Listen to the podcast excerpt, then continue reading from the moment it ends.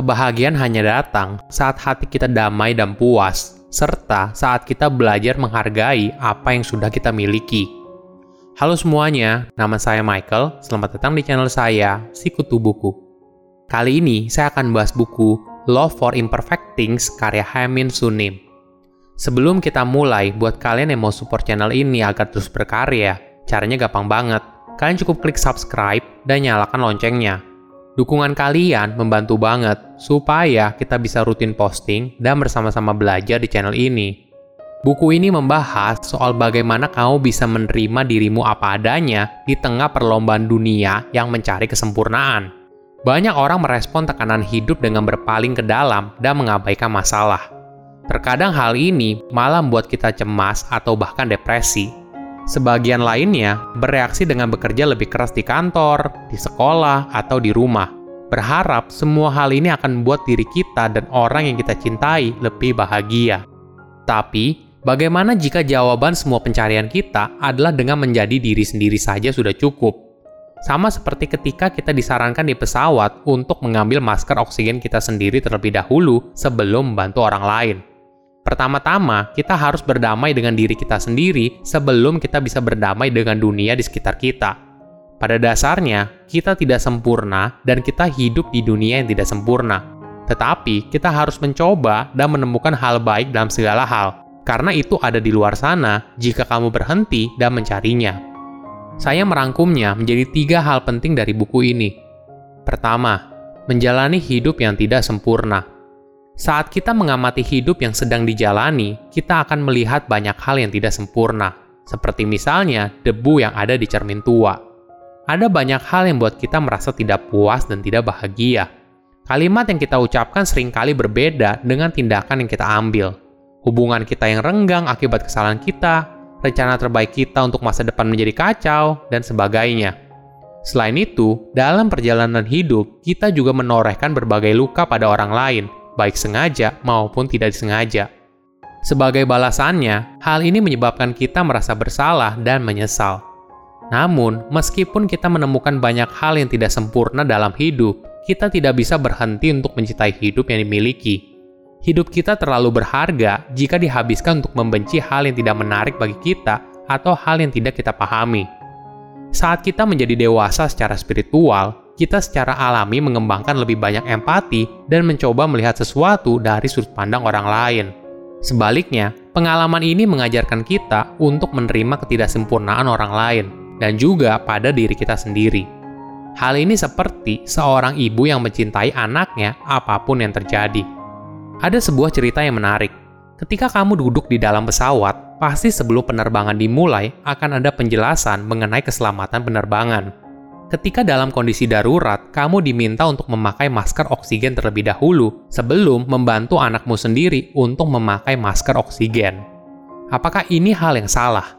Apakah menjadi egois untuk menjaga diri sendiri terlebih dahulu adalah hal yang salah? Perlu dipahami, hanya ketika kamu bahagia, maka kamu bisa membuat orang lain di sekelilingmu bahagia. Ketika kita bersikap lebih baik kepada diri sendiri, maka kita juga bersikap lebih baik kepada orang sekeliling. Henny menekankan pentingnya kita harus bisa merawat diri sendiri dengan lebih baik. Bersikap baiklah pada dirimu sendiri dulu, baru kepada orang lain. Kedua, membuat keputusan dalam hidup. Ada pepatah di Korea, pertimbangan yang lama sering kali mengarah pada keputusan yang buruk.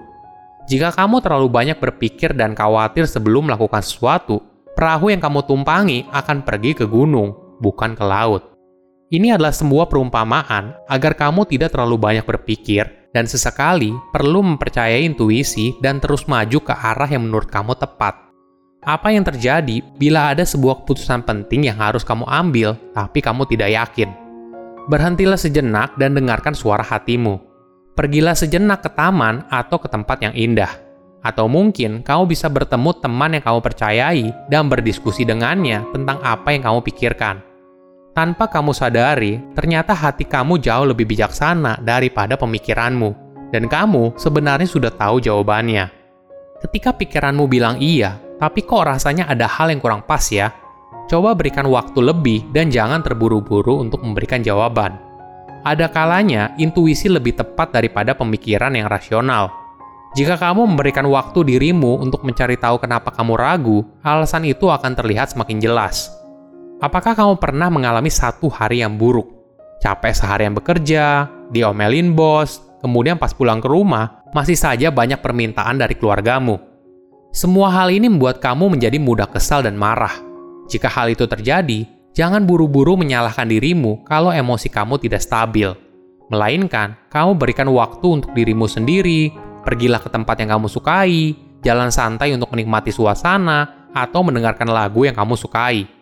Kesendirian ini akan membuatmu merasa dunia berhenti sejenak dan membantu untuk memperbaiki keselarasan dalam hidup. Ketiga, menjaga pikiran untuk bahagia. Pikiran yang berlebihan tidak akan menyelesaikan masalah. Daripada mencoba memperbaikinya dengan berpikir lebih keras, bagaimana kalau kamu menenangkan dirimu dulu? Tanpa kamu sadari, sebuah solusi akan muncul ke permukaan, karena pada dasarnya kebijaksanaan berasal dari keheningan. Di saat itu, kamu akan bisa membedakan antara hal yang dapat kamu kendalikan dan tidak bisa. Misalnya, masa lalu yang tidak bisa diulang. Kamu juga tidak bisa mengontrol apa yang orang lain pikirkan tentang kamu. Tetapi, kamu dapat mengontrol apa yang kamu lakukan sekarang. Kamu hanya bisa bebas dari rasa khawatir dan cemas ketika kamu fokus untuk hidup saat ini.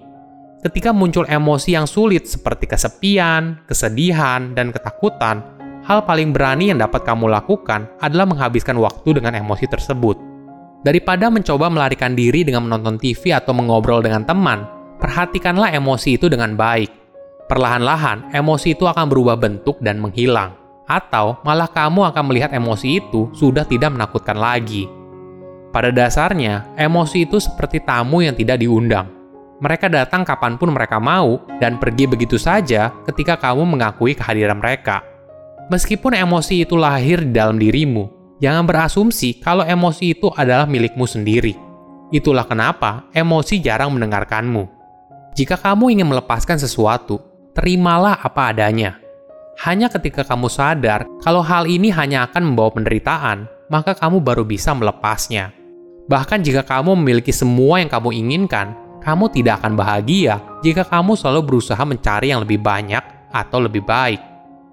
Ingat, kebahagiaan hanya datang saat hati kita damai dan puas, serta saat kita belajar menghargai apa yang sudah kita miliki. Ketika kita bersikap lebih baik pada diri sendiri, maka kita baru bisa bersikap lebih baik kepada dunia. Silahkan komen di kolom komentar pelajaran apa yang kalian dapat ketika baca buku ini. Selain itu, komen juga mau buku apa lagi yang saya review di video berikutnya. Saya undur diri, jangan lupa subscribe channel YouTube Sikutu Buku. Bye bye.